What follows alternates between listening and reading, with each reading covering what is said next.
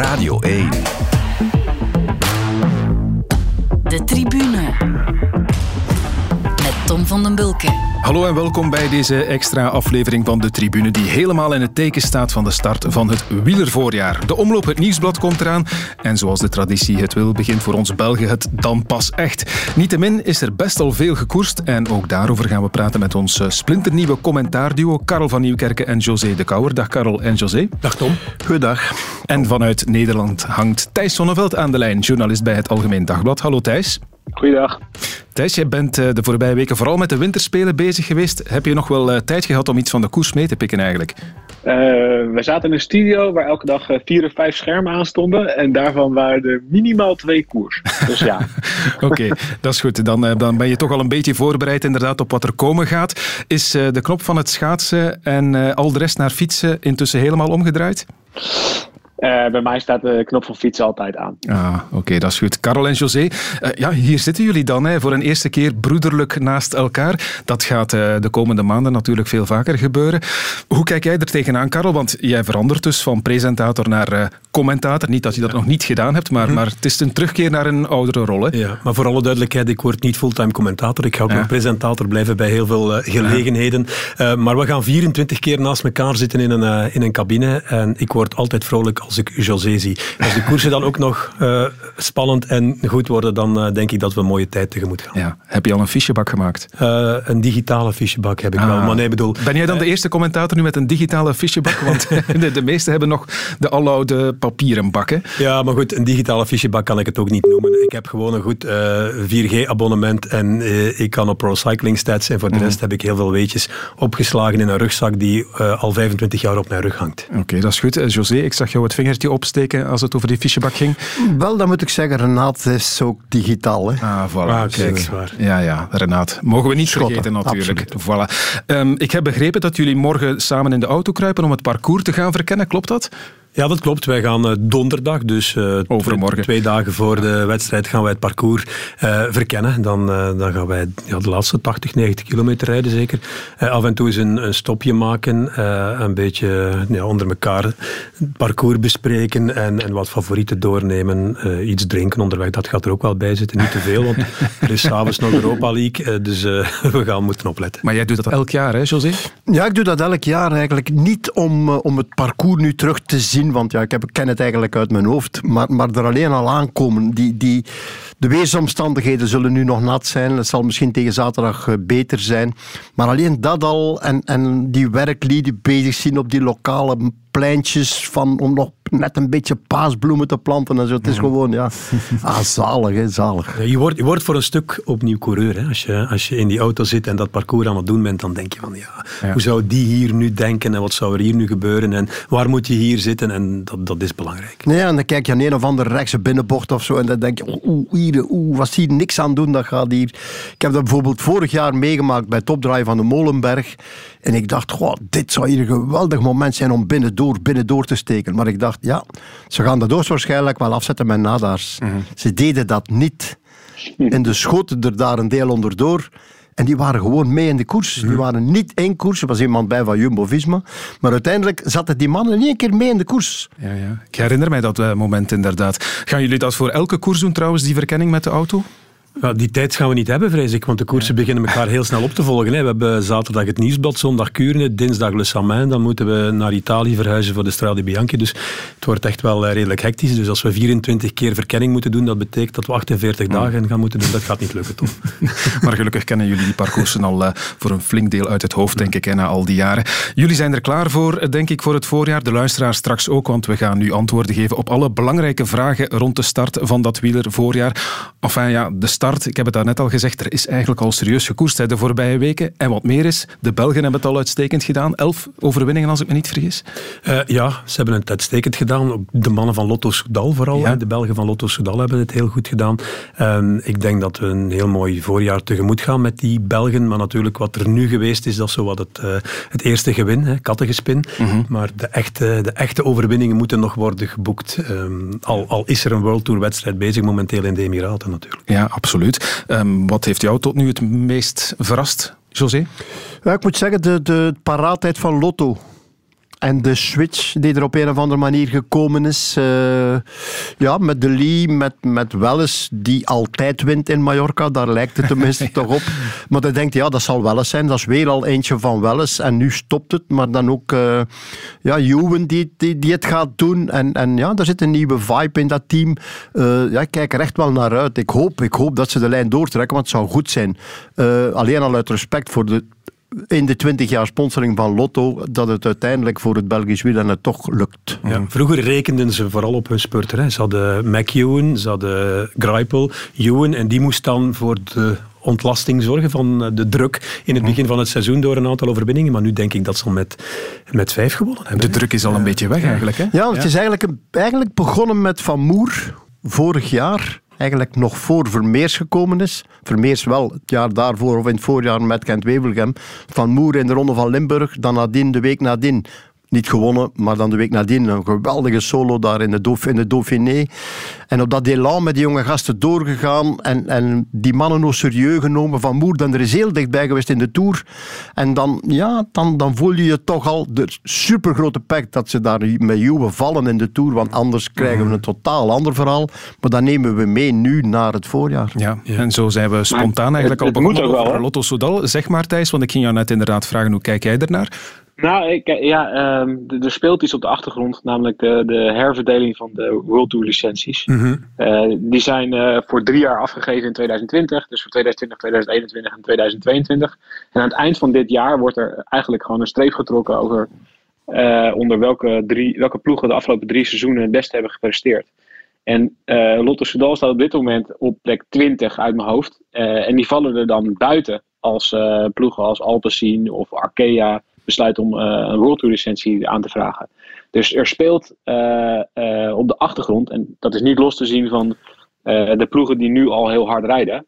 Maar voor Lotto Soudal, Israël, Arkea, Cofidis, dat soort ploegen speelt gewoon nu mee dat ze het hele seizoen heel veel punten zullen moeten pakken om, uh, om elkaar de loef af te steken. Want daar gaan er gewoon, ja, de, de, de, het risico is anders dat je gewoon uit de World Tour valt. En dat geldt zeker voor Lotto ook. Ja, dat is waar. Dat, dat is on, ongetwijfeld een dreiging voor die mannen. Maar ik, ik las ook dat Tim Welles zei, we moeten vooral op dit moment in het seizoen niet beginnen rekenen. We moeten hard blijven met de fiets rijden en dan gaan die punten wel volgen. En dat is zeker het geval als je ziet dat ze met verschillende coureurs sprokkelen. Met Welles, met Ewan, met Van Gils, uh, met De Lee. Dus ze sprokkelen wel degelijk punten. En als, als ze dat kunnen doortrekken, Kampenaars die moet nog komen. En als je het dan allemaal goed hoort van binnen de ploeg, dan is het vooral Kampenaars die voor de kentering van de sfeer heeft, uh, heeft gezorgd. Hè. De Lee bijvoorbeeld, als een Luxemburger, die heeft hij in huis gepakt, heeft hij geleerd hoe hij moet eten, gezond moet eten, hoe hij moet slapen. Goed, goed slapen, heel belangrijk voor een, voor een sporter. Heeft daar tientallen keren ondertussen mee de parcoursen in de Vlaamse Ardennen gedaan. Uh, Kampenaars steekt het niet onder stoelen of banken dat hij dwars door Vlaanderen uh, wil winnen. Nog voor het parcours bekend werd, heeft hij die, de GPX-val al, al opgevraagd om, om het parcours te verkennen. Het bestond nog niet. Dus ik, ja, ik, ik ik zie het eigenlijk wel goed in hoor. En zeker met Ewan, zoals die nu ook rijdt, gaat hij toch weer een belangrijke rol spelen in Milan-San Remo ook. Zoals vorig jaar. Ja, ja absoluut. Hè. En komt daarbij, ik vond, ik vond dat er heel veel ploegen, ook in het verleden, zo alleen maar, ja, we zijn ons aan het focussen op de Ronde van Vlaanderen. Mhm. En dat denk ik, Ronde van Vlaanderen, sorry, maar dat is maar weggelegd voor, voor een paar renners. Hè. Mhm. Zou je ook al niet beginnen en tevreden zijn met vol in te zetten op Kuurne. Nu niet dat dat mindere koers is. Of Noker begint daar eerst eens te winnen. Hè. Mhm. Begint daar. Vandaar dat Juwen ook Kuurne gaat rijden? Ja, onder andere ja. En ik vind dat eigenlijk niet onlogisch. Eh, het was net op de, er bestaan maar vier koersen in de wereld. dat is Milan-Sanremo eh, en, en, en ja, ik bedoel, en al de rest, dat doet eigenlijk niet mee. Het begint, begint bij het begin. Het begint met één koers te winnen. Ja. Per renner. Dan kom je al een heel eind. Ja. Maar Ewan was vorig jaar wel dicht bij Milan Sanremo. En dat, dat zal dan wel spelen. Hè. Als je tweede kan worden, kan je winnen ook. Ja, hij reed toen ongelooflijk uh, hard en goed de Poggio op. Caleb Ewan, kan hij dit jaar winnen, denk je Thijs? Eh, Uiteraard kan het, maar is, is, zet je ja, bij, bij de topfavorieten? Ja, misschien wel de topfavoriet. Uh, als je ziet hoe, hoe hij vorig jaar de Poggio opreed, ja, dan was hij gewoon eigenlijk niet weg te slaan bij de eerste vijf daar.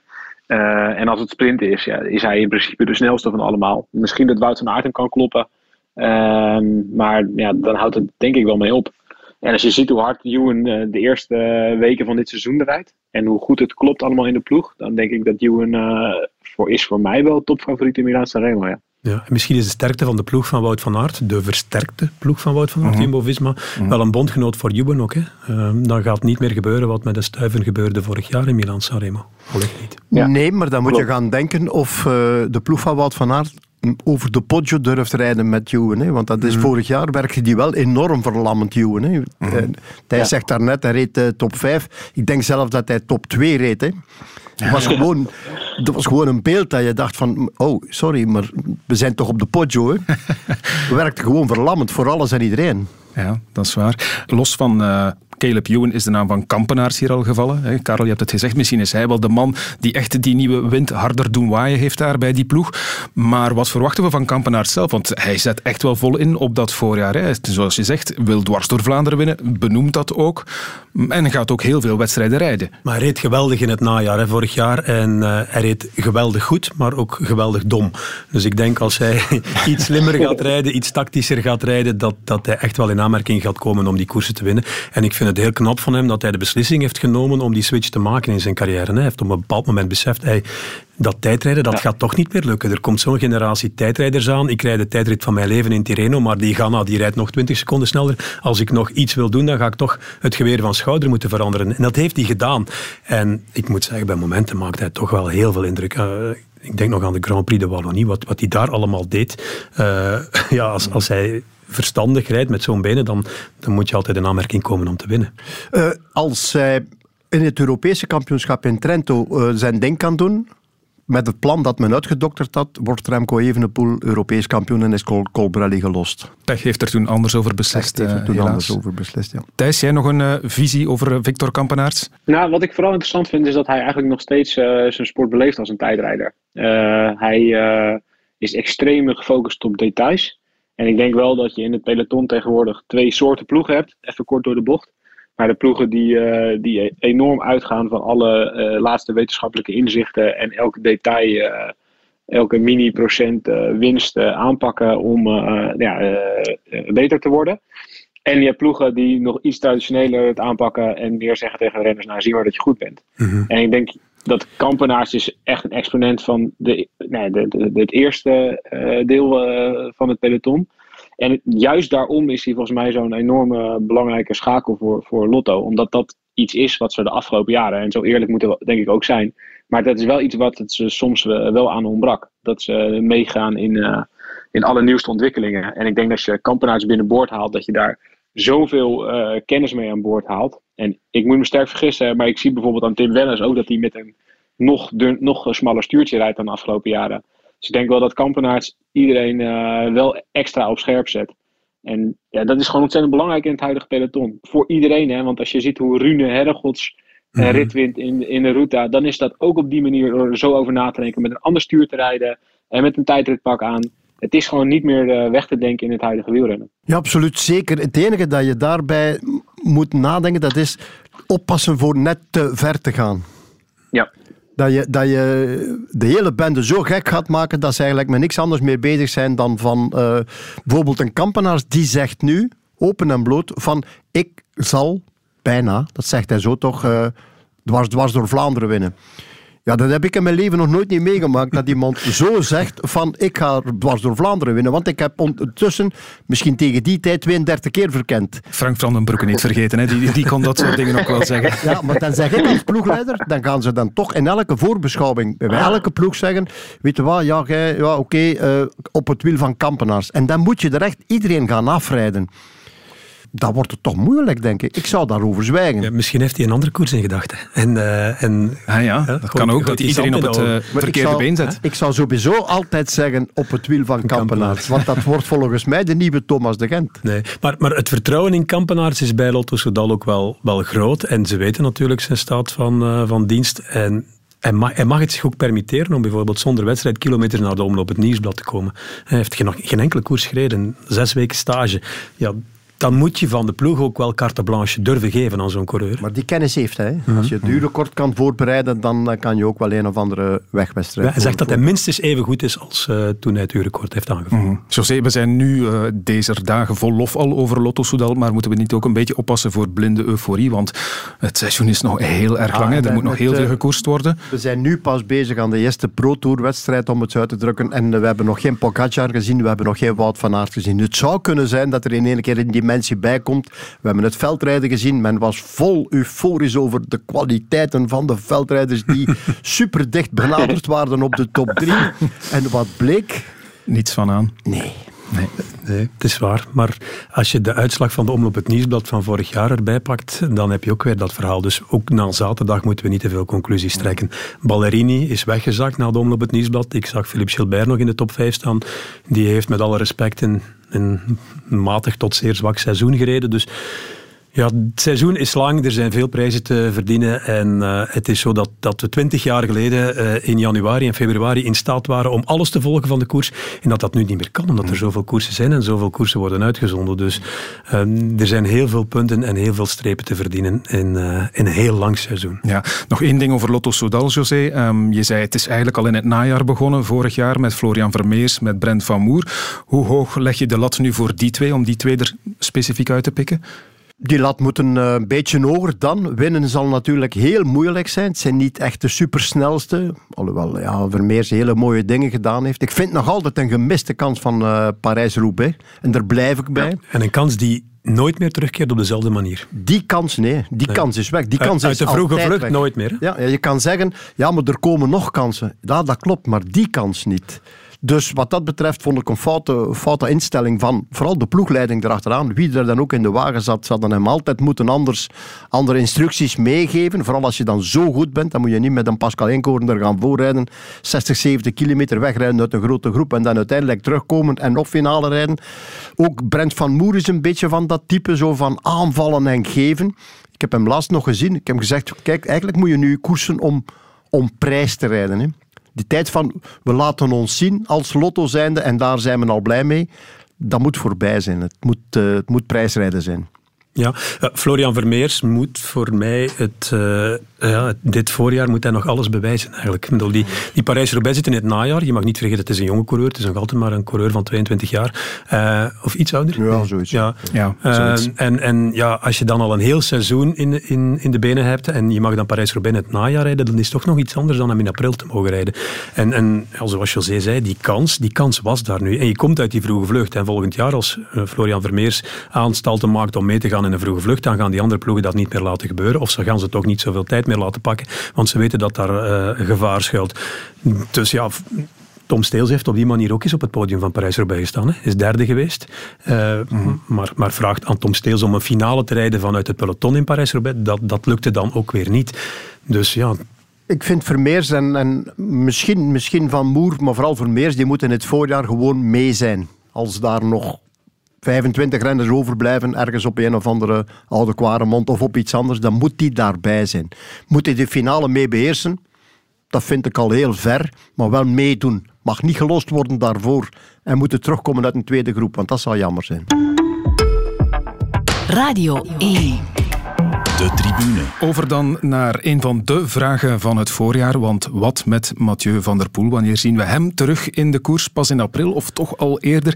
Wie heeft de laatste info? Thijs, ik ga bij jou beginnen als uh, landgenoot van Mathieu. Uh, nou ja, eh, het is denk ik uh, geen nieuws dat het behoorlijk slecht is gegaan de afgelopen weken. Of afgelopen maanden. Ze zijn enorm geschrokken van het feit dat hij terug is gekeerd na een rustperiode na Parijs-Roubaix. En dat hij meteen last had van zijn rug. En waar ze vooral elke keer tegenaan lopen, is dat ze nog steeds niet goed weten waar het vandaan komt. Dus er is op een gegeven moment wel een, diagnose gesteld dat het zou liggen aan een verdikte tussenwervelschijf. Maar ook dat is weer in twijfel getrokken. Dus eigenlijk is het nou ja, nog steeds maar uh, kijken hoe het gaat elke keer. Dus hij is weer begonnen met trainen en er wordt uh, ja, uh, in de, achter de schermen in de wandelgangen wordt er wel af en toe geopperd dat hij uh, uh, zelfs misschien nog een paar klassiekers zou kunnen meepikken dit jaar. Mhm. Maar het zou ook zomaar zo kunnen zijn dat hij uh, nog maandenlang alleen maar aan het trainen is en dat hij weer een terugslag krijgt. En dat ze nog steeds niet weten waar, waar het vandaan komt. Er zijn allemaal mensen binnen en buiten de ploeg mee aan de slag. En dat is denk ik het meest frustrerende voor Van der Poel en voor uh, zo'n ploeg op dit moment. Dat het nog steeds niet mogelijk is om een hele planning te maken uh, omdat ze gewoon niet weten waar het probleem exact vandaan komt. Ik vind het aan de andere kant ook wel een goede zaak dat ze hun tijd nemen nu. Dat iedereen zijn tijdje uit is. Dat is voor Wout van Aert ook een cadeau geweest. Uh, na, al die crosswinters om, om eens eruit te zijn. Het zijn andere omstandigheden. Wout die heeft een perfecte vlekkeloze winter doorlopen. Mathieu noodgedwongen. Maar ik denk dat die, die nieuwe basisleggen hem ook wel deugd zal doen. Ik zat vorige week in Spanje. Mathieu zat daar niet zo ver vandaan in Denia. Ik heb hem voor alle duidelijkheid niet gezien. Maar ik heb uh mhm. -huh. wel wat gehoord van mensen die daar waren ook. En die zeiden van, is echt wel goed aan het trainen. Uh, dat hij zijn voet naast de anderen gaat zetten in de klassiekers, dat is quasi onbestaande, maar toch nog altijd voorbehoud aantekenen. Bij elke andere coureur zou ik zeggen nooit van zijn leven, maar bij Mathieu, Mathieu van der Poel ligt dat nog wel anders. En misschien zit er wel een groot geluk voor Mathieu in het feit dat Parijs-Roubaix een week later ligt dan anders. Door die verkiezingen, in, die verkiezingen in Frankrijk en die wissel Amstel-Gold Parijs-Roubaix zou 17 april toch nog wel iets kunnen betekenen. Mm. Ja, hij deelt in elk geval kwistig zijn trainingen, zag ik op uh, Strava. Thijs, jij zult dat ook wel gezien hebben. Valt daar iets uit af te leiden, of niet? Nou, ja, op zich niet ontzettend. Want je ziet hem nog niet, uh, hij is nog niet uh, volle bak aan het trainen. Het is echt nog wel vooral basis leggen. Wat andere coureurs al, al maanden hebben gedaan eigenlijk de afgelopen winter. Maar ik denk dat juist het probleem van Van der Poel is dat hij niet 100% hoeft te zijn om te kunnen winnen. Dus de verleiding wordt toch mhm. wel weer groot. Net als afgelopen jaar, in de afgelopen prijzen was hij ook niet top. En uh, uh, ja, heeft hij eigenlijk nog steeds de benen om te winnen als hij op het laatst misschien wat verstandiger rijdt. Um, dat is denk ik het, het, het moeilijke elke keer uh, voor hem, maar ook voor zijn ploeg. Dat als Mathieu van der Poel 90 of 95 procent is, wordt het toch wel weer snel verleidelijk om in uh, grote koers te gaan starten. Want ja, je weet nooit of hij met al zijn talent misschien toch wel die wedstrijd wint. Ja, veel zal ook afhangen hoe die anderen dat doen binnen de ploeg. Hè? Als anderen gaan scoren of, of, uh, of gaan winnen, dan is het uh, makkelijker ja. om als ploeg te zeggen, laat Mathieu nog maar even helemaal tot zijn recht komen voor we hem inzetten. Absoluut. Maar als, als de druk groot wordt, dan, dan zal het inderdaad wel spelen. Mm. Ja, Mathieu is een koerspaard. Hè. Ik bedoel, die, die kun je gewoon over een toer doen gaan. En dat is eigenlijk al dikwijls in zijn leven gebeurd. Hè. Zware valpartijen, nokeren, twee dagen later wint hem de Nij. Is dat gezond? Ik weet het niet. Uh, en die zaken hebben zich allemaal een klein beetje opgestapeld. Het grote talent van Mathieu van der Poel is eigenlijk eerder nadeel dan, dan een voordeel. Andere renners houden zich meer aan, aan, aan de lijn. En bij hem wordt die lijn soms een beetje verlegd, omdat ja, hij kan dat wel opvangen. Mm -hmm. Maar vangt inderdaad dat lichaam dat op. Ik herinner mij ook nog inderdaad van vorig jaar toen hij en het was denk ik de Antwerp Port Classic, gewoon eens kwam proberen of zijn rug wel oké ja. was. En, en, hij wint daar de sprint met zijn twee van uh, Taco van der Hoorn, ja, denk ik. En de, ja, zoals uh, Thijs zei inderdaad, hij kan zich dat permitteren. Hè. Maar zoals José ook zegt, koerspaarden vergalopperen zich ook al eens. Hè. Denk maar aan Tirreno Adriatico uh, vorig jaar. Daar hebben de koerspaarden onder elkaar eigenlijk een, een, een wedstrijdje uitgevochten dat ze allemaal bekocht hebben de weken nadien. Die lange regen prachtige koers. Ja, fantastisch. Ja, ja. ja daar zitten wij van te genieten, ja, natuurlijk. Ja. Heerlijk. Ja, maar hun sterven. Ja. Maar is het inderdaad, José, een goede zaak dat ze, en ze, dat zijn dan Van Aert en Van der Poel, elkaar niet vanaf het begin in de vernieling gaan rijden, dit keer? Ja, eigenlijk is het geen goede zaak. Hè. We zouden ze liever samen in de koers mm -hmm. zien. Het is een beetje verlammend voor beiden, want dat is toch al gebleken. Uh, we hebben Wout van Aert na het WK nog horen vertellen van ja, maar ik zat hier nog te kijken naar Van der Poel. Wat gaat die dan doen en zo allemaal. Dus het leeft wel. Uh, alleen denk zouden ze nu echt wel moeten doen en dat wordt heel moeilijk met een talent als Mathieu en met zijn manier van koersen en zijn manier van denken over de koers. Wanneer ga ik echt vol er beginnen? Wanneer ben ik echt genezen? Ben ik volledig genezen of is het nu echt volledig weg? Dat is geen net Thijs ook al zei. En dat is en blijft, denk ik, een, een, ja, een gewetensprobleem. Mm -hmm. Zowel voor Mathieu als voor de ploeg, de ploegleiding zelf. Ja. Maar we gaan hem toch missen. De factor van der Poel is, is zeer belangrijk in een, in een wielerwedstrijd. En het is zo dat, uh, dat elke ploeg waakzaam moet zijn als Mathieu van der Poel er is vanaf kilometer 100 van de finish. Want dan kan het elk moment uh, ontploffen, elk moment gebeuren. Hij heeft dat uh, bewezen in Dwars door Vlaanderen. Die hij won op 58 kilometer. Vorig jaar met Narvaez in Kuurne, Brussel-Kuurne op 80 kilometer in de tegenaanval. En ze hebben zich daar bijna allemaal de tanden op stuk gebeten. En dat zijn factoren die andere ploegen toch ook wel nerveus maken. Ik, ik kan me voorstellen dat ze bij Quickstep Alpha Vinyl uh, nerveus zijn als Mathieu van der Poel daar is. Hè. Want als je, als je dan op dat moment de slag mist, ja, begin dan maar. Hè. Dan, dan zit je in het defensief gedrongen en dan moet je heel die koers op een andere manier gaan dragen. En dat is toch een factor die we de komende weken gaan, uh, gaan ontberen. Dus ik, ik, mhm. hoop dat hij snel terug is. Want het is, het is zo'n attractieve coureur. Nou, zolang hij er niet is natuurlijk, gaan die anderen een beetje de leidersrol moeten overnemen. We hebben daar uh, Tim Merlier, Jasper Philipsen, die kunnen uiteraard een sprint naar hun hand zetten. Je hebt ook Gianni Vermeers, die vorig jaar een, een heel goed voorjaar gereden heeft eigenlijk. Hoewel mm, in de schaduw van Van der Poel, maar hij reed wel goede uitslagen. Kan die nu nog een stapje mm, verder vooruit nog zetten en, en echt kopman zijn? Ja, dat is de vraag. Hè. Uh, ik denk dat hij uh, ideaal kan, uh, kan figureren vanuit die underdog-rol en dan kan meeschuiven. Al is dat ook altijd zeer relatief. Hè. Meeschuiven en volgen. als je zevende rijdt in de Ronde van Vlaanderen, dan heb je toch wel wat body en inhoud en dan moet je er zitten. Als je negende rijdt in Harelbeke, tiende in Gent-Wevelgem, dan, dan, dan, dan ben je een goede coureur. Maar om dan het volledige gewicht te gaan dragen, dat is nog wat anders. Hè. Het, is, het is misschien makkelijker als die kopman daar zit en van daaruit. Maar aan de andere kant, hij wordt 15 in Parijs-Roubaix vorig jaar, Gianni Vermeers. Maar als je dan achteraf het verhaal hoort, hoeveel keer hij een bidon moet gaan halen, hoeveel etenzakjes, aan het rondpunt waar ze vielen vlak voor het bos van Waleers, lag hij er ook bij. Want een bidon gaan halen voor Van der Poel, komt nog terug in koers, wint dan op de piste bijna het spurtje van Alexander Christophe. Ja, dan moet je toch wat in je mars hebben. En ja, ik ken hem een beetje. En Beetje hij, veel. Ja, en hij zegt, dat hij, hij, zegt, hij zegt ook dat hij, dat hij nooit beter is geweest dan nu. Op dit José, je hebt uh, gerecht van Avermaat als Poulin, dan mag Karel er ook in hebben. Ja, absoluut. Ja, meer dan dat. Zal ik, zal, ik zal nog wat anders zeggen. Ik, ik vind, voor, uh, als we spreken over Gianni Vermeers, en er is geen Mathieu van der Poel, in, in al die wedstrijden is Gianni verstandig genoeg, ik zou bijna durven zeggen link genoeg, maar dat is zeker geen verwijt, dat is eerder mhm. een positief verhaal, om zonder die mannen zijn koers te rijden. Hij moet nu naar niemand kijken, hij kan nu meesurfen op het wiel van en in het spoor van. En dat zou hem wel eens heel goed kunnen uitkomen. Ik vind het jammer bijvoorbeeld dat ze er niet zijn in het openingsweekend. Uh, Gianni en, en vooral Jasper Philipsen. Ja. Eh, als ik de weersomstandigheden voor komende zaterdag bekijk, het zal ongeveer hetzelfde zijn als vorig jaar. Zuidenwind, 2 Beaufort, 8 graden. Eigenlijk ja, niet echt ideaal koersweer voor de, de, man die voor de televisie zit. Uh, dus de kans dat we weer met een groep van 40, 45 man naar de streep gaan, die is niet onbestaande. Als Jasper Philipsen in dat peloton had gezeten, dan, uh, zeker met de benen die hij nu heeft, mm dan had hij die, die schifting kunnen overleven. En dan was hij voor mij misschien wel kandidaat nummer 1 om de omloop het nieuwsblad te winnen. Ja, en Merlier is er ook niet. Um, hoe los je dat trouwens op met die twee? Ik blijf dat een moeilijk gegeven vinden, Merlier, Philipsen ja, wie kies je voor welke wedstrijden? Dat is wel een keuze die, die moet gemaakt worden. En je moet ze, denk ik, José, ook allebei tevreden kunnen houden. Hè? Ze moeten genoeg hun ding kunnen doen. Dat is een hele moeilijke opgave. Uh, voor wie gaan... Ik dacht dat Melier gelezen had dat Melier erop stond voor de Giro. Dat... Uh, Jasper Philipsen er iets meer op stond voor de Tour, misschien beiden.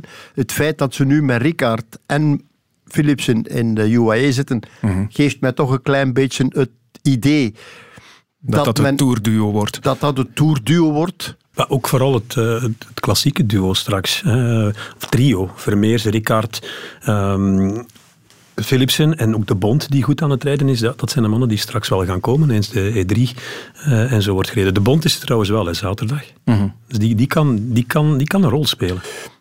Maar, maar ja, de Bond, goed, goed, goed, goed. Vrije rol. Maar dan komen de, als de grote mannen komen, als we denken als Wout mhm, van Aert ja. 90% is, ja, dan... Valt het te zeggen eigenlijk wie de snelste is van die twee, Merlier of uh, Philipsen? Ik denk als het gaat om pure intrinsieke snelheid, dat Merlier uh, sneller is. Maar uh, wielrennen wordt niet beslist op pure intrinsieke snelheid. En zeker hoe, meer de, hoe zwaarder de koers is, hoe meer het gaat doorslaan naar Philipsen, denk ik. Philipsen heeft... Binnen Alpecin zeggen ze ook wel dat Merlier uh, de snelste is. Dat, van de Poel dat zegt dat soms ook wel, dat hij uh, bij het bordjesprint wordt geklopt door Merlier. Maar Philipsen is de man die zich het beste kan plaatsen. Ja. Dat, is, uh, dat heeft hij dan een enorme voorsprong op Merlier. Het is misschien straf wat ik zeg, maar ik denk dat Merlier misschien wel de intrinsiek snelste is van het hele peloton. Mhm. En dan, dan spreek ik over als je een sprint zou doen op een, op een vliegveld, hè, op, een, op een lange rechte lijn en iedereen wordt in ideale positie gebracht, dan weet ik niet of er snellere zijn dan Merlier in het peloton op dit moment. Misschien moeten we dat eens uittesten. Hè? Mhm. Met uh, zeven dernis. 60 per uur, aan de kant gaan en uh, keirin, hè? keirin rechtdoor. Ja, ja, zonder contact dan. Ja. Goed idee. De tribune. Ook uh, bij Wout van Aert moeten we natuurlijk stilstaan. Hoe kan het ook anders? Wout van Aert uh, die aan het seizoen begint met een versterkt Jumbo-Visma. Dat mogen we absoluut zeggen, hè, Thijs. Als we die, die voorjaarsploeg vergelijken met uh, vorig jaar. Ja, een serieuze kwaliteitsinjectie. Ja, laten we wel wezen, dat was ook wel nodig. ik denk dat, ja, dat ze de afgelopen jaren toch wel hebben gezien dat Van Aert veel te vaak geïsoleerd zat in de finale. En dat als er een gat moest worden dichtgereden, dat het toch wel heel vaak een probleem was. zeker in de, als het wat meer heuvel op ging. dus Gent Wevergem was denk ik bijvoorbeeld Nathan van Hooydonk ontzettend goed. Maar zeker in de, in de finales die, waar ze Paterberg, Kwaremond, allemaal dat soort dingen moesten overleven. Dan was de omkadering binnen zijn ploeg gewoon echt niet, niet in orde. Zeker niet voor zo'n grote ploeg. Maar ze hebben wel echt een enorme slag geslagen met Laporte en Van der Zanden en zeker ook Benoot. Dus ja, ze zijn in één keer een gigantisch uh, blok geworden dat ook in de finale nu uh, de koersen zou kunnen en moeten controleren. Die namen die je noemt, uh, Laporte, Benoot, Van der Zande, Karel, uh, moeten we dat nu gewoon knechten noemen voortaan? Uh, nee, dat zou ik niet doen. Benoot kan gerust een schaduwkoopman zijn en kan het ook wel gaan afmaken. Misschien is het voor Benoot ook wel de transfer van zijn leven om in de schaduw van Van, van Aert een paar grote koersen te winnen. nog twee namen daaraan toevoegen. Van Hooijdonk, die zijn kwaliteiten al heeft bewezen en die uit een moeilijke winter komt na wat gebeurd is privé, een kindje verloren. Ja. En dan heb je Mike Teunissen die uit blessure terugkeert. Dus als als die mannen allemaal goed zijn, dan is dat echt wel een hele straffe ploeg. Ik ga niet zeggen dat dat de strafste ploeg is, want bij de Koning, of bij, de, bij Quickstep Alpha Vinyl hebben ze ook wel wat kwaliteit in de breedte. Maar ja, je, hebt, je hebt een kopman die boven al de rest staat, hè, met, met Wout van Aert. En hij heeft in het verleden, de voorbije jaren, eigenlijk verbloemd dat, uh, ja, dat, dat Jumbo-Visma geen voorjaarsploeg had. Hij was een ploeg op zich. Mhm. En heeft dan ook wel afgedwongen dat rond hem beginnen bouwen is om, uh, om uiteindelijk tot dit resultaat te komen. Dat ze nu alles gaan wegvegen en domineren, dat wil ik op dit moment ook niet gezegd hebben. Dat wil ik dan ook wel nog eens zien. Nee, alhoewel je wel het gevoel hebt, als je die namen inderdaad allemaal bekijkt, die in die voorjaarskern zitten. José, eh, en daar gaan we dan weer. Ja, hoe kan Wout van Aert straks nog verliezen, wetende dat hij zelf zo goed is? Door de concurrentie? Ja, ja nee, uiteraard. Maar, maar ik, denk, ik denk dat het hier vooral een verhaal is van Wout van Aert en Jumbo-Visma. Ik zie, ik zie zo eigenlijk voor mij Benoot een, eh, groot, een, wedstrijd winnen. Ik zie iemand anders een wedstrijd winnen. Want als je de twee ploegen tegen elkaar gaat zetten, dan is de beste renner van het peloton in principe qua sprint en snelheid en overleven, ik kan niet zeggen Asgreen, maar in principe Wout van Aert. Dat hebben ze dan voor op alpha vinyl, om het mhm. zo uit te drukken. En daar komen die andere mannen er nog eens bij. Dus het zal een beetje een strijd worden, denk ik eerder. Twee ploegen. En voor mij heeft Wout van Aert dan een klein beetje voordeel, alhoewel Asgreen ook wel eens zijn jaar zou kunnen hebben. Ja, en dat is het, hè, José, want uh, we mogen die Asgreen absoluut niet onderschatten. Uh, Vorig jaar klopt die Mathieu van der Poel in de sprint van de Ronde van Vlaanderen. Het jaar daarvoor klopt Van der Poel van Aert. Dus eh, als Van Aert met Asgreen naar de streep gaat, gaat hij er ook niet gerust in zijn in die klassiekers. En wat Benoot betreft, dan gaat hij toch ook een beetje het geluk moeten hebben van de samenstelling van het groepje waarin hij belandt. Want die heeft niet die explosiviteit. Als, uh, een Laporte heeft die, heeft die meer dan, uh, dan Benoot bijvoorbeeld. En als je dan met een groepje naar de streep moet waar een Laporte in zit, waar, of waar een Colbrelli in zit en waar nog een aantal mannen in zit, ja, dan krijg je weer een andere koers daarachter. Dus de omstandigheden gaan bepalen. Uh, is toch mooi? Ja, tuurlijk. Dat, dat speculeren is, is, is zo, zo leuk. En dat, dat is, dat, is het leukste. Hè? Ja, Thijs, hoe zie jij het uh, tactisch allemaal gebeuren met Jumbo-Visma tegen de concurrentie? Nou ja, ik denk uh, dat Jumbo-Visma een enorme uh, troef heeft. Dat ze het gewoon kunnen laten aankomen, ook op een sprint met 40 man. Want dan is Van Aert in principe nog steeds de snelste van, van, de hele, van, van dat groepje in ieder geval. kijk, als je, mensen als Ewan meedoen, is het anders.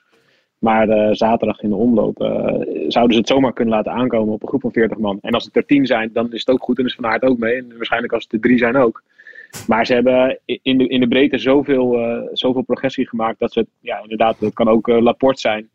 En ik denk dat Benoot een enorme omslag heeft gemaakt in zijn denken. Dus hij, hij, ging naar DSM om te kijken wat hij zelf, als hij zelf kopman zou zijn, ook in kleinere rittenkoersen. En ja, ik denk dat deze omslag hem misschien wel inderdaad die ene grote zegen veel eerder kan brengen dan uh, als hij als enige kopman bij DSM in de ronde rijdt.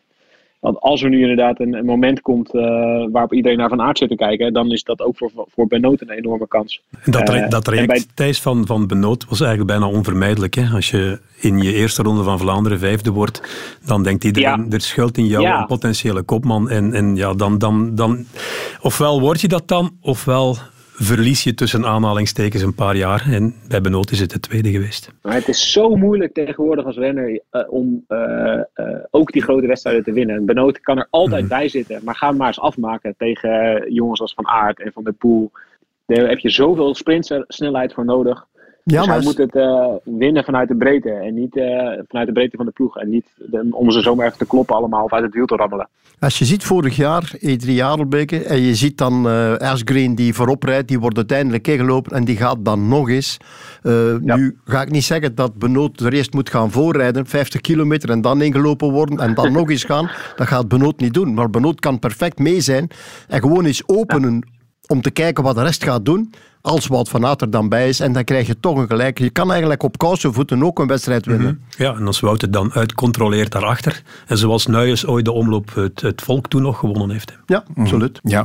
Thijs, jij kent de interne keuken uiteraard goed bij, bij Jumbo-Visma. Wat is het plan dat daar op tafel ligt nu voor Wout van Aert? Is dat inderdaad zoals we denken en zoals hij ook zelf wel aangegeven heeft van uh, ja, ronde Roubaix, dan moet ik echt top zijn? Ja, uh, ja, dat blijft toch gewoon de grootste focus op liggen. Ja, van Aert uh, gaat het nu niet laten liggen. Op het moment dat hij de omloop kan, kan, winnen, gaat hij dat zeker doen. Maar het is niet alsof daar de hele winter naartoe is gewerkt naar de omloop.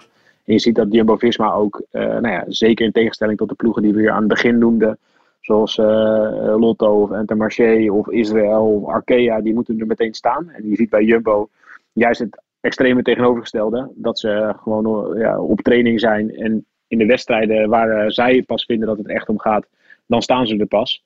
En Van Aert, uh, uh, ik denk dat hij ook weet dat hij uiteindelijk wordt afgerekend op de echt grote koersen en niet zozeer op de, de omloop.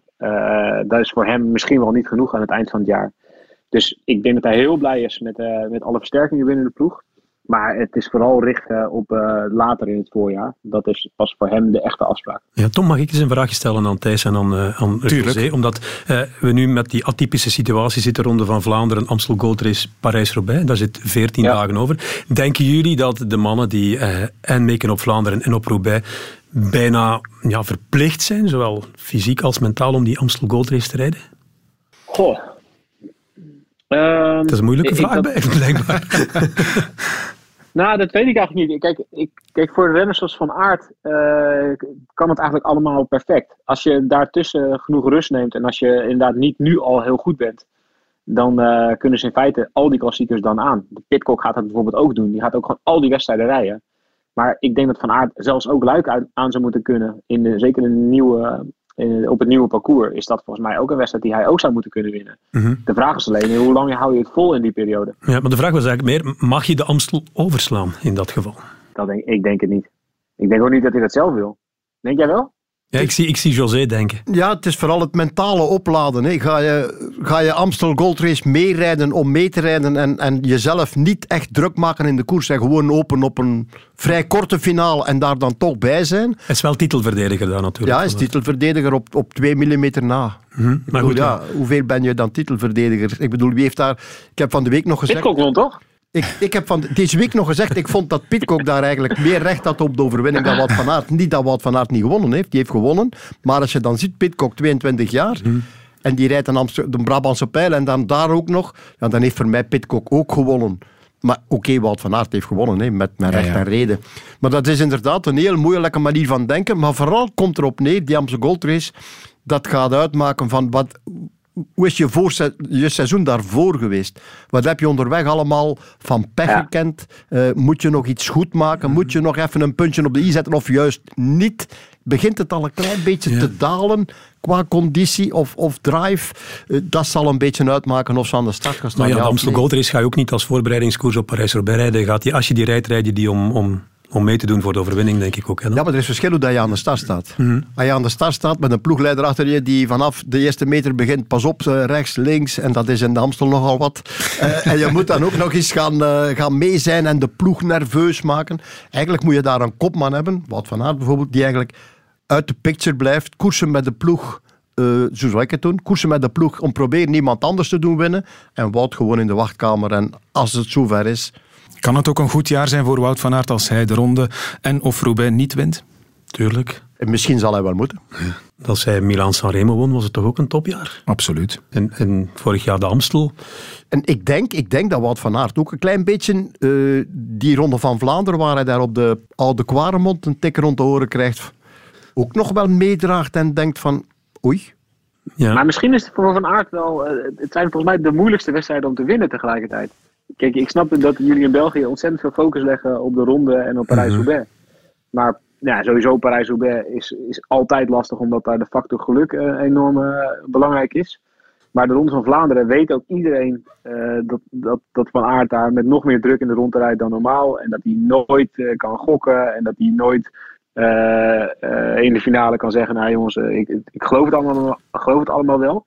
En uh, ook qua fysieke, wat het beste bij hem past, is misschien uh, de Amsterdam Gold Race of misschien Luik wel makkelijker voor hem om te winnen dan Vlaanderen. Zeker als Van der Poel aan de start staat. dat is misschien dit jaar wel een kans voor hem. Maar dat blijft elke keer ontzettend lastig. Ja, kan ik wel enigszins volgen. En zeker als je ziet dat Wout nu echt wel nog scherper staat dan anders. Dat hij minder heeft gecrossed, dus minder kilo's heeft gepakt, spiermassa heeft gepakt en, en echt wel heel scherp komt, dan gaan die koersen misschien wel hem nog meer op het lijf geschreven zijn. Maar hij heeft wel zijn zinnen gezet op die ronde van Vlaanderen en Parijs-Roubaix. En ik denk ook dat we een factor van vorig jaar niet mogen onderschatten en dat is die geboorte van zijn zoontje geweest. Hè. Uh, daar zijn allerlei complicaties bij gekomen. Hij heeft daar weken uh, toch wel van wakker gelegen en, en dat meegesleurd. En ik denk dat hij daar ook de percentjes heeft gemist uiteindelijk om, om dan in die klassiekers mee te zijn. Hè? Die oude Quaremont, het gaat over niet veel, hè, José? Nee, het gaat over niet veel, maar je, je rijdt geen enkel voorseizoen zonder dat er iets gebeurt. Hè? Mhm. Er gebeurt altijd iets. Hè? Ik weet het. Het zijn lekrijden op een slecht moment. Het zijn valpartijen. Het zijn een kuchje links of rechts. Nu met corona erbij krijgen we nog een uitloper van het hele grote probleem, waardoor men mensen mhm. worden afgeschermd tot en met. Dus ik denk dat we een mentaal moeilijk voorjaar gaan meemaken voor velen. Radio 1. De tribune. Van uh, Lotto Soudal over Jumbo-Visma naar uh, Quickstep. Alpha Vinyl uiteraard ook een van de grote concurrenten. Hoe schatten jullie de ploeg van Patrick Lefevre in? Heeft Jumbo-Visma hen nu bijgebeend of misschien zelfs ingehaald. dat zal niet graag horen als ik dat zeg. Patrick Lefevre zit nu al nerveus te wachten ja, wat te gaan antwoorden. Alhoewel, hij wordt niet snel nerveus. Maar uh, ja, ik denk dat Jumbo-Visma wel in de breedte zo sterk is geworden dat ze hun voet naast of uh, er misschien wel voorbij zouden kunnen zetten. Aan de andere kant, het blijft wel een ontzettend sterke ploeg in de breedte. Hè. Mm uh, Asgreen die heeft bewezen dat hij de Ronde van Vlaanderen kan winnen. Lampaard is aan het rondvliegen op dit moment. Misschien iets te vroeg, dat kan, dat kan maar het kan ook zijn van van, niet. Seneschal die, die gaat ook sterker worden, denk ik dan. Die, die is nu 27, die wordt 28. Dus ik, ja, ik denk dat die toch wel een hele sterke ploeg nog altijd hebben. Je noemt er daar al een, Florian Seneschal. Daar verwacht ik persoonlijk wel veel van, José. Ja, absoluut. Een hele sterke renner die lang in de luwte gebleven is, die heel veel knechtenwerk gedaan heeft en heel veel moeten doen heeft om er uiteindelijk is een rit te mogen winnen of kunnen winnen in de Ronde van Spanje bijvoorbeeld. Uh, waar uiteindelijk Jacobsen dan probeerde het laken naar zich toe te trekken, met recht en reden. Uh, hele mooie dingen la laten zien. Hele goede, sterke kerel. Ook snel. Ik, ik, weet dus niet een wedstrijd van het hoogste niveau, maar hoe hij de, de Primus Classic won, uh, Seneschal, dat, dat was wel bepaald indrukwekkend, vond ik. Ja. Hebben ze een echte spits eigenlijk bij uh, de ploeg van Patrick Lefevre? Asgreen. Maak jij daar een spits van? Toch wel. Ja? Ja, een, ja, een, een, een spits. Ja, het is een valse tragen eigenlijk. Hè? Want ik bedoel, eh, die is ja, maar zo wat, wat, moet je doen om spits te zijn als je de E3 wint en de Ronde van Vlaanderen? Hij is zo sterk, ja. ja. is echt... Mm -hmm. en, en daar heeft hij ook beseft van, verdorie, dit zijn, dit zijn mijn koersen. Dit, dit, dit zijn de wedstrijden waarin ik goed kan zijn. Dus ik, ik verwacht hem echt wel top. Ja, ja. hoeft eigenlijk niks meer te bewijzen. Hè. Is nu in een... En wat, wat die mannen hebben die, die Denen en die Noren en, dat andere gedoe, zal ik maar zeggen. Dat zijn mannen... Nee dat, nee, dat zijn mannen die zijn niet zoals wij Vlamingen. Nederlanders staan er ook nog iets nuchter tegenover, vooral in die wedstrijden dan. Maar wij Vlamingen, bij ons is dat zo, ja, ja, het is, het is hier... Ja, het is leven of dood. Die mannen hebben veel meer cool. Veel meer cool. Die gaat in Gent, in de E3-prijs Adelbeke, gaat die gewoon nog eens demareren. Ja, dat wat dat eigenlijk zou moeten doen, maar wat geen enkele Vlaming nog aandurft van ja, het gaat toch niet lukken. En die gaat dat gewoon nog, nog eens doen. Andere kant van de vluchtheuvel, bam, weg, oei. Ja, en dat zijn ook coureurs waarvan je weet, ja, geef ze 30 meter, je ziet ze niet meer terug. Hè. Moeilijk. Dat zijn tijdrijders, hè. Ja. En, en, ja. Wat denk jij, Thijs? Is, is Asgreen ook voor jou de uitgesproken kopman binnen die ploeg, Quickstep Alpha Vinyl? Nou, hij heeft corona gehad begin februari. En, en ik vond hem in, uh, uh, in de Algarve niet fantastisch. En dan moest hij uiteraard ook wel in dienst rijden van Evenepoel. Maar bijvoorbeeld zijn tijdrit, waar hij normaal gesproken, uh, zeker in dat ritje in de Algarve, dus elk jaar de, dezelfde soort tijdrit. En daar is hij elk jaar eigenlijk ontzettend goed. En wordt hij dit jaar 32ste. Dus ik, ik denk dat hij echt wel beter is geweest in het voorjaar. En ik weet niet hoe, hoe verder die coronabesmetting daar, ja, dat, hoe verder die invloed heeft gehad op zijn conditie. Maar ik denk dat bij Quickstep, ja, als, als ze hem opstellen, dan is hij goed. Maar het is vooral de breedte van de ploeg die elke keer zo goed is. Het zijn gewoon daar hebben ze eh, eh, vier kopmannen eh, die in elke andere ploeg de eenzame kopman zouden zijn. Maar het is vooral anders dan in voorgaande jaren. Volgens mij voor het hele voorjaar. door het ontbreken van, van, van de pool is het anders. Daar gaat de afgelopen jaren was eigenlijk in alle wedstrijden waar Van de Poel meedeed, draaide het tactisch gezien voor een heel groot deel om hem. Wanneer ging die, hoe moet je hem slopen? En als Van der Poel niet meedoet, dan wordt het veel meer quickstep tegen mhm. Van Aert.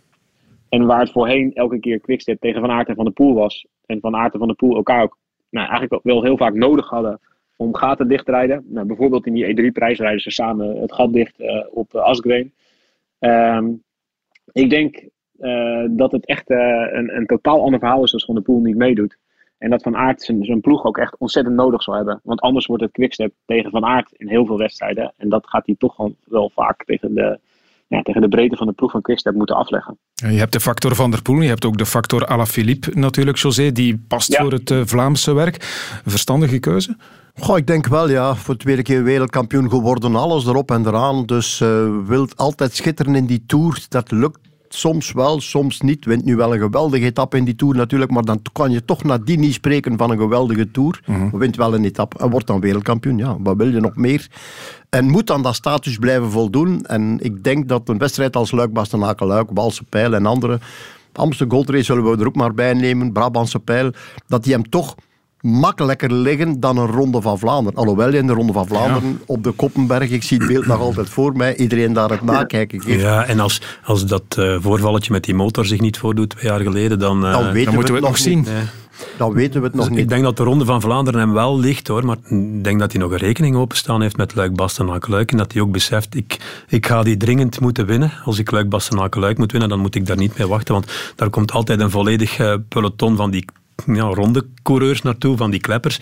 Pogacar heeft hem daar geklopt, Roglic. En dan, dan ja, denk ik dat hij eerst dat streepje wil en dat hij dan naar de Ronde van Vlaanderen terugkeert. Ja. En om nog eens even terug te komen op Mathieu. Als uh Mathieu in de koers zit, hè, dan tellen de knechten niet. Dan telt de breedte van de ploeg niet. Mathieu gaat en er zijn alleen nog twee man mee, of de kopmannen zijn nog mee. Men spreekt niet meer over Kampenaars, men spreekt niet meer over Lampaard, men spreekt niet meer over die of die of die. Juist. Uh, volgen wie volgen kan. En de breedte van de ploeg telt in één keer niet meer. Je bent op 60 kilometer van het einde en je spreekt niet meer over een ploeg. Je spreekt alleen nog over vier kopmannen.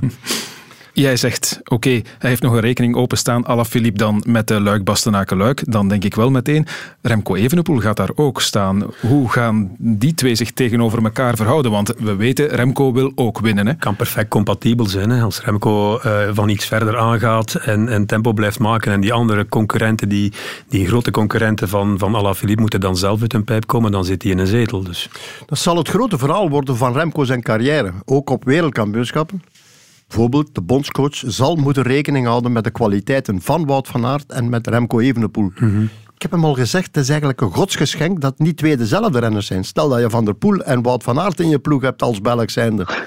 Dan heb je een probleem, hè? Hoe ga je dat oplossen? Maar met Remco en Wout van Aert kan je perfect naar, naar de koers gaan. Ja. Remco moet alleen binnenkomen en Wout kan, uh, kan afwachten. Je kan perfect naar de koers gaan. Dat, je moet leren echt compatibel zijn. Ook in de vol het volgende WK dat we krijgen. Dat is een godsgeschenk. Dat ze dus Evenepoel en, en uh, Alaphilippe ook perfect compatibel. Absoluut, ja. ja. absoluut. Ja. Dus we hadden in Leuven met twee kopmannen moeten starten. Zeker. Zullen we daar dat, dat, dat, potje gaan we, gaan we dichtlaten. daar, daar, gaan we niet meer op terugkomen. Nu, uh, Evenepoel hebben we al aan het werk ah, gezien. Uh, Evenepoel hebben we al aan het werk gezien in, in Valencia. Zonneveld in je mand. Inderdaad. Voor eeuwig en altijd een afgesloten hoofdstuk. Nee, uh, Evenepoel uh, hebben we dus al gezien in Valencia, hebben we gezien in de Algarve. Ik las al, moet ik zeggen, meteen in sommige kranten grote conclusies.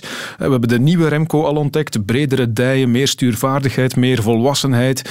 Ja, ik denk ze zijn er vroeg bij met de conclusies, nee? Het is ook zo dat er heel veel kopij uh, gevraagd wordt over de koers tegenwoordig. Er moet heel veel over verteld worden en de superlatieven worden heel snel boven, boven gehaald. Daar doen we ook soms gretig aan mee. Dat en is zo. Maar onszelf net het moment nu om misschien de verwachtingen toch maar weer wat te temperen, want dat was tussen, met alle respect en tussen aanhalingstekens, maar Valencia, maar de Algarve. Uh, laat ons misschien toch nog even afwachten voor we weer al gaan roepen van hij gaat de Vuelta simpel winnen. Dat tijdritje was toch niet slecht, vond ik. Nee. Als je daar 57 seconden voor de Europese kampioen rijdt, die in alle tijdritten toch meedraait, ook in de Tour, dat was sterk. Ook die etappe die daar maar, maar mag ik zeggen dat we dat al wisten dat hij dat kon, ook op die manier zoals hij het nu gedaan heeft. Ja, en dat hem daar de koers gewonnen heeft die hij op de manier die hij moest winnen. Wat ik me dan afvraag, waarom? Waarom ga je Remco, met alle risico's van doen, mee in de trein van Jacobsen zetten? Ik zou dat niet doen in de opbouw van Remco. Ik denk dat hij dat zelf wil. Dat, dat hij daar is wil tonen van, uh, ik, ik wil dat doen voor de ploeg en ik wil de ploeg ook achter mij scharen als het echt nodig is. Maar ik, ik snap maar ik heb schrik, ik heb schrik voor de dag dat je op een gegeven moment in een valpartij terechtkomt. En dan uh, helemaal de schrik op, op, op, je, op je lijf valt, om het zo uit te drukken. Dus er komen nog hele grote examens voor Remco, maar wat we tot nu gezien hebben is goed. Ja, Tom, ik hoor je zeggen, we wisten dat hij dat kon, dat is waar, maar hij heeft dat niet gekund na zijn val in Lombardije. Dus vorig jaar kon hij dat niet, een tijdrit op die manier domineren. Daarvoor heeft hij dat wel bewezen, een Europees kampioenschap en zo. Maar uh, dit, dit is toch nog wat anders en dit is zeer bemoedigend. En misschien moeten we gewoon tabula rasa maken met zijn ronde verleden tot dusver. En dat is één ronde die Giro, want dat was geen eerlijke kans. Door die valpartij, door van waar hij kwam en door de druk die langs alle kanten op hem werd gelegd. Dus, door zichzelf, hè? Ja, zichzelf ook. Hij doet daar ook gretig aan mee, zijn entourage ook. Maar uh, zijn ploeg. ja, absoluut, het, het, is natuurlijk ook een mediaproduct, het is, het is, het is een marketingproduct. En ja, daar, daar moet je ook uh, met vallen en opstaan, trial and error, uh, zo'n processen doormaken. Dus ik denk, voilà, ik denk dat dat Evenepoel terug op het juiste spoor zit. En misschien is de veld dat de echte referentie van, kan mhm. hij ooit een ronde winnen? Of niet? En laat ons dat afwachten. Laat ons hopen dat hij uh, tot dan gezond en rechtop blijft. In elk geval, denk jij Thijs dat uh, Evenepoel zich dit jaar al kan ja, meten met het niveau Pogacar-Roglic?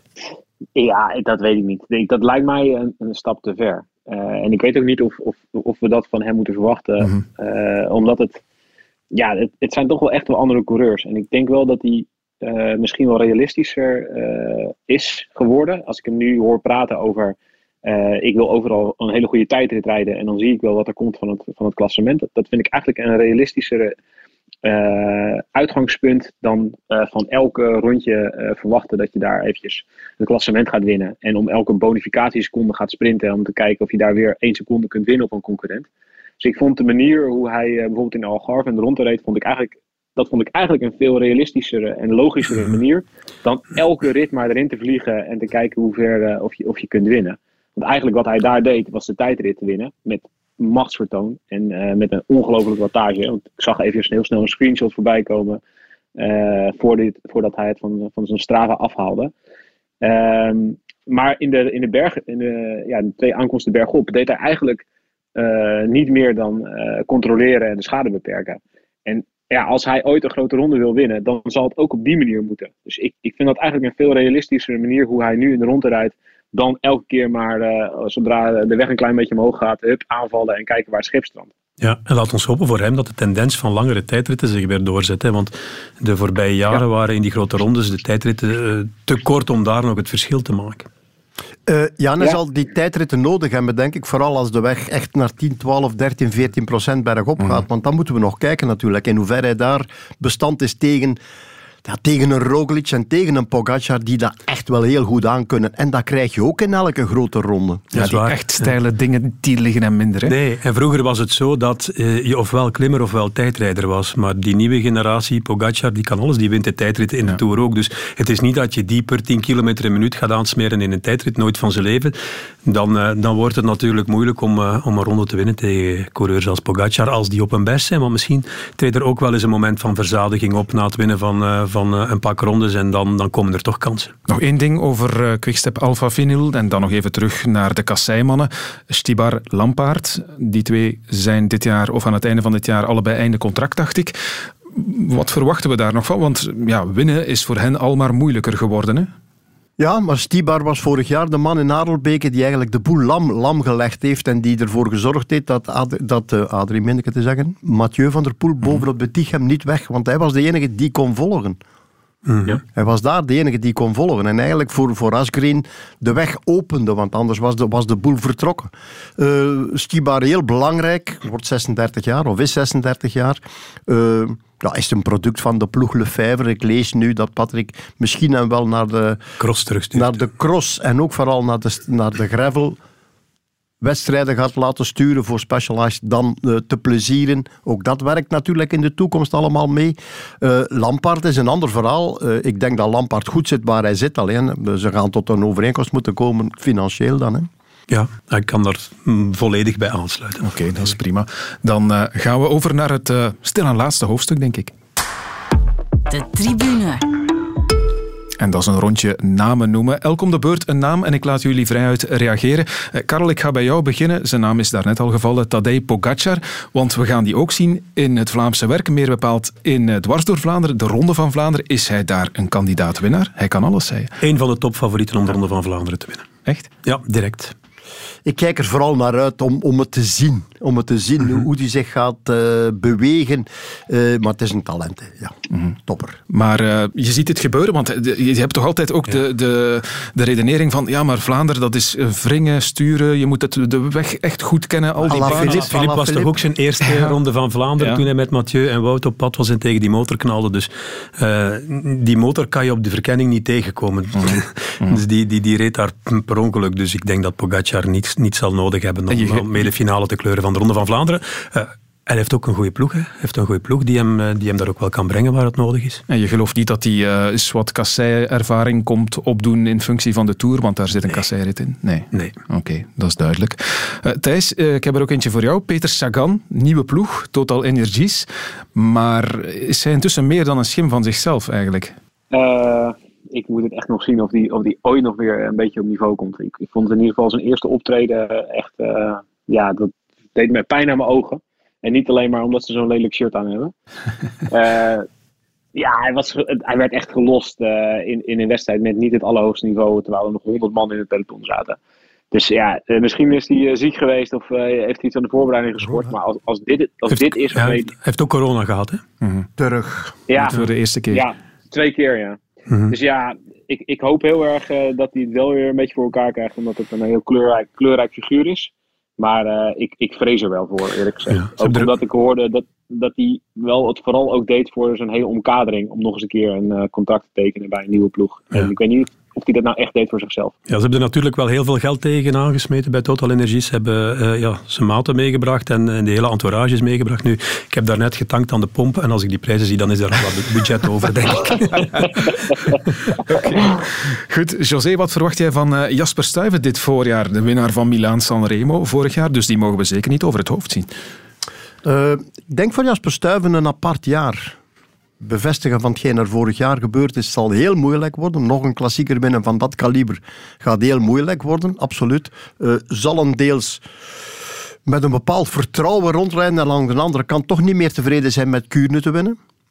Bijvoorbeeld. Dus dat, uh, dat wordt bevestigen en dat is altijd heel moeilijk. Mag je ja, weer winst in een monument verwachten van Jasper Stuyven? Dat is veel gevraagd, denk ik. Hè? Uh, van wie mag je sowieso een, een ja. uh, winst verwachten van, op een monument? Dan denken mm -hmm. we Wout van Aert, Mathieu van der Poel, misschien Alaphilippe, misschien nog een paar andere. Pogacar. Pogacar. En dan stop het. En de rest, al die andere jongens die winnen, dat zijn geen certitudes. Zelfs Wout van Aert, Mathieu en anderen zijn geen certitudes. Dus om zo'n wedstrijd te winnen, om een van de vijf monumenten te winnen, dan moet je een beetje zoals vorig jaar risico nemen, uh, gaan, koers verliezen. En dan uiteindelijk iemand bij je krijgen, Anderson, die doorrijdt, die met je verder doorrijdt. Je moet maar, ik ga niet zeggen geluk hebben, nee. je moet maar het, het momentum meemaken dat je er iemand meekrijgt die niet omkijkt en die gewoon doorrijdt, wetende dat hij gaat verliezen. En dan wint Stuiven. Fantastisch, super gedaan. Vooral de durf. De durf om, om te verliezen. Niet rekenen op de sprint, want het is relatief snel. Maar dan toch gaan en denken van alles of niets. En dat vind ik juist, dat vond ik juist het mooie. En ik denk dat Stuiven nu ook de volgende wedstrijden, als hij mee is, zoiets gaat hebben van, kan maar proberen. Hè. Ja. Uh, omdat je over de monumenten praat, hè, José, vijf monumenten. Stel dat er een zesde monument moet komen. Uh, moet dat dan Gent-Wevelgem zijn of Amstel Gold Race? Of de Strade Bianchi. Of de Strade Bianchi, maar ja. Dus daar gaan we geen zesde pakken, nee, want we hebben problemen. Is de Strade niet te jong om een monument te zijn? Ondanks hmm. het feit dat het een fantastische koers is. Dat is het hem net, hè. Thijs? Nee, als ik tussen die mag kiezen, dan meteen Strade. Ja. Mm. ik, voor, voor, mij hoeft dat niet, dat het een enorme historie heeft. Dat is, is inderdaad, het, het, is fijn als dat wel zo is. Maar volgens mij, als je ziet hoe graag renners daar ook rijden en hoe iconisch de beelden zijn, over de hele wereld uh, kennen ze de Stade Bianca als ze iets van wielrennen weten. En dat geldt niet voor de Amsterdam Gold Race. En ja, helaas ook niet voor Gent Wevelgem. Sorry om het tegen jullie bel. En, en als, je, als je tussen die twee zou moeten kiezen, Amstel of Gent Wevelgem? Stel dat je zelf nog coureur, uh, coureur bent Thijs, en je mag één van die twee binnen. Jij bent Nederlander, je gaat voor de Amstel kiezen. Maar... Ja, nou ja, dit is helemaal niet omdat ik Amstel mooi vind. Ik vind Amstel echt vaak een ballenkoers. Maar dan zou ik toch voor Amstel kiezen, ja. ja. Omdat ik Gent Wevelgem toch wel, ja, en, en wat, finale... wat zou een Italiaan denken? Mm, ik denk ook Amstel, eerlijk gezegd. Ja, ja, ik, weet, ik kijk naar het gezicht van José en die twijfelt. Ik denk dat Gent Wevelgem heeft sowieso door, uh, door de vernieuwing en door de passages door uh, ja, de historische momenten, de passage door Rieper mm. en de zaken allemaal. En zo vind ik dat Gent Wevelgem toch wel een upgrade gekregen heeft. Qua internationale uitstraling. Qua internationale uitstraling. En laat de Amsterdam Gold Race nu gewoon links, rechts, links, rechts zijn. en daar houden we het Maar wel heel mooi uh, windkracht 7 is bij Gent Wevergem en uh, Geraint Thomas gaat horizontaal de berm in, dan zou ik toch kiezen voor die Gent Wevergem. 2015 was dat zeker, hè? die uh, ja. enorme windeditie. Ja. Strade Bianchi dus genoemd als ja, potentiële monument. Um, een man die die koers kan winnen en veel koersen kan winnen. Karel, Tom Pitcock gaat ook heel veel rijden. Ja, dat programma dat, dat staat heel vol. Ik vraag mij ook af of hij dat programma helemaal gaat afwerken. We hebben dat eens opgesomd na het WK veldrijden. Dat leek mij zo beladen. Hè. Daar komt nog de Giro bij en zo. Hij zal toch hier en daar een koersje moeten overslaan, maar dat kan je altijd doen op het allerlaatste moment. Uh, maar ik denk dat we ja, Pitcock alleen maar sterker en sterker gaan zien worden. Nog altijd maar 22 jaar. Dus dat wordt ook wel iemand om rekening mee te houden in elke klassieker waarin hij aan de start komt. Ja, dat wordt soms vergeten, hè, die leeftijd. Hè. Als je bekijkt uh, waar stonden Wout van Aert en Mathieu van der Poel op 22-jarige leeftijd in die wedstrijden. Oké, die waren daar ook op die leeftijd. En Pitcock staat daar ook. Pitcock gaat niet verslechteren. Hè. Pitcock gaat verbeteren. Dus ja, wat dat betreft heeft hij, ik denk ook een soort luxe probleem van uh, wat Benoot meegemaakt heeft, maar dan in veel mindere mate Benoot van wat ga ik nu eigenlijk doen. Want dat keuzes blijven maken van grote ronde, ronde kus, tijdrijden, misschien klassiekers. Ja. Ja, dat, je kan niet alles doen. Hè. Je moet op een gegeven moment toch ergens tevreden zijn. En ik denk ook, dat is nu met het verhaal Mathieu van der Poel, met veldrijden, met mountainbiken, met dingen. Je moet op een, op een bepaald moment toch echt wel keuzes gaan maken en zeggen, kijk, dit is mijn hoofddoel en dit is een bijkomend doel. Maar het is makkelijker om die keuzes te maken als je een en ander hebt afgevinkt. En dat heeft Pitcock ondertussen gedaan. Hè. Olympisch kampioen mountainbike, daar moet hij niet meer achteraan gaan jagen. Uh, wereldkampioen veldrijden, dat was ook een droom van hem in alle categorieën. Hè. Een ja. van de heeft hij ook afgevinkt. Dus daar gaat het niet meer moeten voor hem. Hij gaat zijn focus op de weg kunnen leggen. Hij is ook nog wereldkampioen uh, e-mountainbike zeker, maar dat is, dat is een titel die niet zo belangrijk is. Ja, kan alles. Hè. Um, Thijs, ik heb er nog eentje voor jou. Sonny Colbrelli, een trede geklommen, denk ik wel. Waar, waar zet je hem in de pikorde? Uh, nou, wel hoog, maar ik denk niet uh, op hetzelfde niveau als Van Aert en Pitcock. Ik, vorig seizoen was een seizoen waarin alles samenviel voor hem. Uh, ja, de ploeg, uh, iedereen reed fantastisch. Hij reed fantastisch in die wedstrijden, maar het zat in heel veel wedstrijden ook echt mee.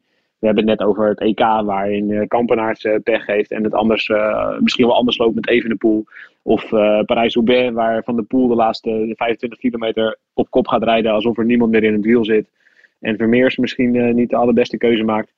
Dus ja, ik denk dat, dat Colbrelli vorig jaar ja, dat kwartje gaat nooit meer zo vaak dezelfde kant op vallen. En hij gaat absoluut mooie wedstrijden winnen. Maar ik denk niet dat het. Uh, dat hij kan kopiëren van wat hij afgelopen jaar heeft gedaan. Nou, ik denk dat hij in veel pronostieken gaat terugkeren, omdat hij veel ereplaatsen gaat pakken. Maar hij is tenslotte ook al 31, dacht ik. Hij zat vorig jaar die paar weken in de vorm van zijn, uh, in de vorm van zijn leven. Of dat dan uh, terugkeert in, in een voorjaar. Het is ook een ander moment en heel vaak speelt ook bioritme daarin. Of dat dan gaat terugkeren in dit voorjaar, dat is zeer twijfelachtig. Zonder eens een uh, andere, nog iets oudere dertiger bijhalen. Jouw poulain, jouw uh, copain, kan ik ook zeggen. Greg van Avermaat, José. En uh, ja, laat ons ineens Oliver Naasten er ook maar bij nemen. Hè. Wat doe je met dat duo? Motiveren. Ja, zal het niet nodig zijn, denk ik, want ze weten dat het, een, uh, ja, dat het van hun verwacht wordt. Ze hebben een transfer gedaan naar Zer Citroën. Ja, en het is er voorlopig nog niet voor geen van beiden echt uitgekomen. Vorig jaar Greg van Avermaat op een formidabele manier derde, dacht ik, in de, in de Ronde, van, Vlaanderen. nog. Dat wel. Uh, moet ook denk ik, op een andere manier gaan koersen. Niet meer, uh, niet meer wachten tot de grote de rits open doen, om dan mee te zijn in die finale. Ik denk dat dat moeilijk wordt om, om die, die super explosieve momenten te overleven. Ik zie Greg van Avermaat en een Nasen eerder in een vroeger ontsnapping met daar eventueel Vermeers en anderen bij. Zo, dat lijkt mij de koersmethode van, wat van, van eh, Greg van Avermaat te zijn om dan in de finale na een slijtageslag toch terug mee te doen voor de prijzen. Ja. Je sprak daarnet over kansen nemen op het moment dat ze zich aandienen. Hè. Bij Greg van Avermaat is dat ook zo geweest in de Ronde van Vlaanderen bijvoorbeeld. Weet je nog, toen hij viel bij BMC en zijn sleutelbeen brak, toen was hij echt formidabel sterk aan het rijden. En toen zeiden we, ja, er komen nog wel kansen voor Greg van Avermaat. Maar er komen ook altijd maar nieuwe coureurs bij en jonge coureurs bij die goed worden. En het wordt steeds moeilijker om die te winnen. En ja, je jaagt dan een droom na. En het lijkt mij weinig waarschijnlijk dat Greg van Avermaat nog de Ronde van Vlaanderen gaat. Ik herinner me een moment dat hij voorop was. Ik dacht met Stijn van den Berg of zoiets in een Ronde van Vlaanderen. Mhm. En dat Sepp van Marken daar de, de trein uh, Cancellara op de rug neemt en dat laatste gaatje dichtrijdt. Gewoon stress van Sepp van Marken. Van oei, oei, oei, die twee zijn weg. Kon toch niet winnen tegen... Maar gaat uiteindelijk toch dat gaatje dichtrijden met Cancellara in zijn spoor. Dat zijn momenten, doet Sepp van Marken dat niet. En Cancellara wacht een fractie van een seconde langer, dan wint misschien Van Avermaat toch, mhm. want dat hij die Ronde van Vlaanderen kan winnen, dat, dat heeft hij eigenlijk al bewezen. Nog niet om te winnen, maar wel om prijs te rijden. Maar, maar het is oh zo moeilijk. En dan nog komen we terug bij het verhaal Vermeers van Parijs-Roubaix. Die kans is voorbij. Maar het is, het is zo dat je van Van Avermaat weet, hij gaat goed zijn.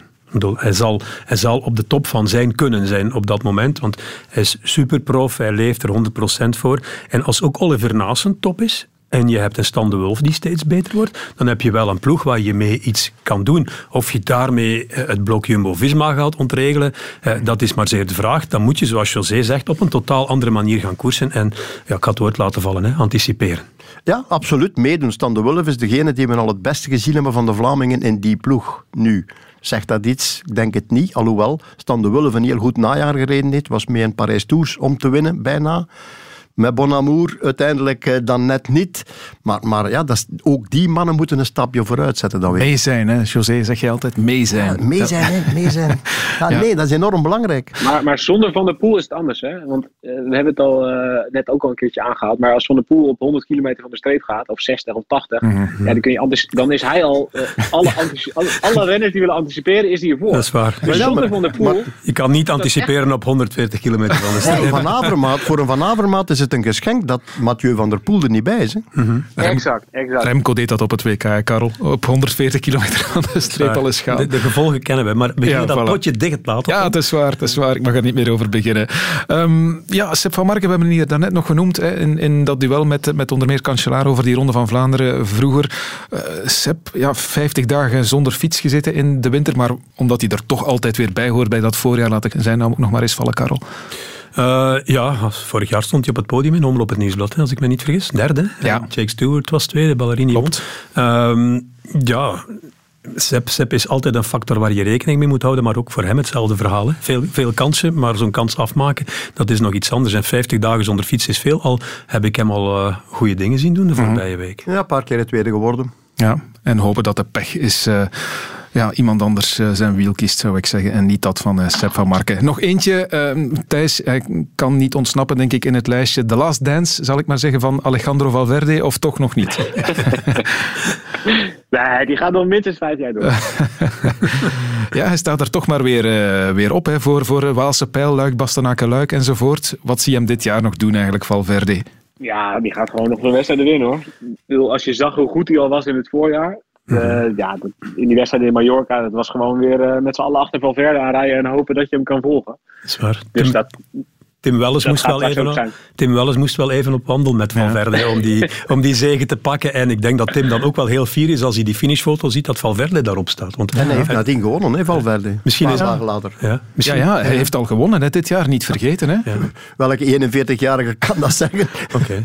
ik niet. Ja, het is bekend, Valverde is het zesde monument. ja.